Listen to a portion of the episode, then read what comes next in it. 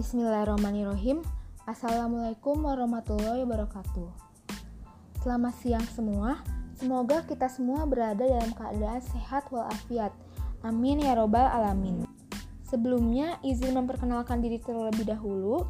Perkenalkan nama saya Dewi Andriani dengan NIM 1900208 dari kelas PKN 2019A Fakultas Pendidikan Ilmu Pengetahuan Sosial Universitas Pendidikan Indonesia. Dalam kesempatan ini, saya akan mengomentari sekaligus memberi solusi serta pertanyaan untuk kelompok 5 yang membahas chapter report dengan tema mempersiapkan guru pelayanan untuk mempromosikan ide besar dalam pembelajaran IPS. Setelah saya mendengarkan podcast dari kelompok 5 ini, untuk saudari Suci sendiri, podcastnya sudah cukup bagus dan sudah cukup jelas.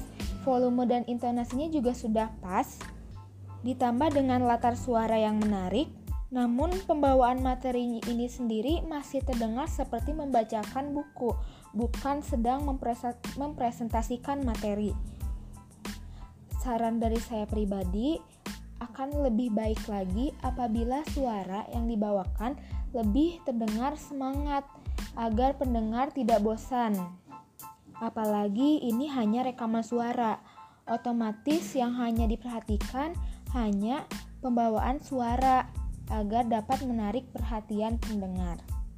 Untuk podcast dari saudari Ica sendiri, kurang lebih dari intonasi, volume, dan suara hampir sama dengan saudari Suci. Namun yang saya suka dari saudari Ica ini dalam uh, dia menyampaikan gaya berbicaranya karena sangat terdengar lebih asik gitu. Jadi nggak bosan ketika didengarkan. Untuk PPT-nya sendiri sudah oke okay ya, sangat menarik. Ukuran fontnya sudah jelas dan terbaca. Animasinya juga berwarna, membuat PPT itu terlihat lebih hidup. Walaupun sangat berwarna tapi tidak membuat para pembaca pusing melihatnya. Untuk masukannya, dari saya pribadi, mungkin di slide awal alangkah lebih baik jika ditulis tema dari chapter report yang sedang dijelaskan dan disusun oleh kelompok berapa. Seperti contohnya, di slide awal dicantumkan tema mempersiapkan guru perlayanan untuk mempromosikan ide besar dalam pembelajaran IPS disusun oleh kelompok 5. Walaupun di slide kedua sudah dijelaskan eh, tema dari chapter report yang akan dijelaskan. Namun pada umumnya di slide awal dicantumkan lagi gitu.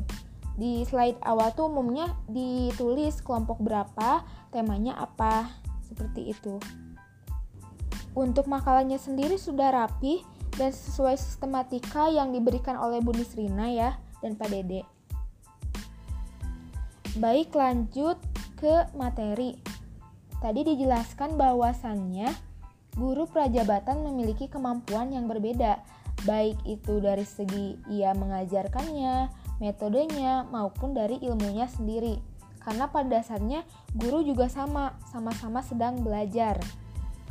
Nah, pertanyaannya untuk saudari Suci Mulyati, menurut kalian bagaimana sih cara menilai apakah seorang guru tersebut sudah mampu atau belum dalam mengajar dan bagaimana sih caranya meningkatkan kualitasnya agar setiap guru di setiap daerah tuh memiliki kualitas yang sama sehingga murid yang diajarkannya pun memiliki ilmu yang tidak jauh berbeda baik di perkotaan maupun pedesaan. Terima kasih atas kesempatannya. Wassalamualaikum warahmatullahi wabarakatuh.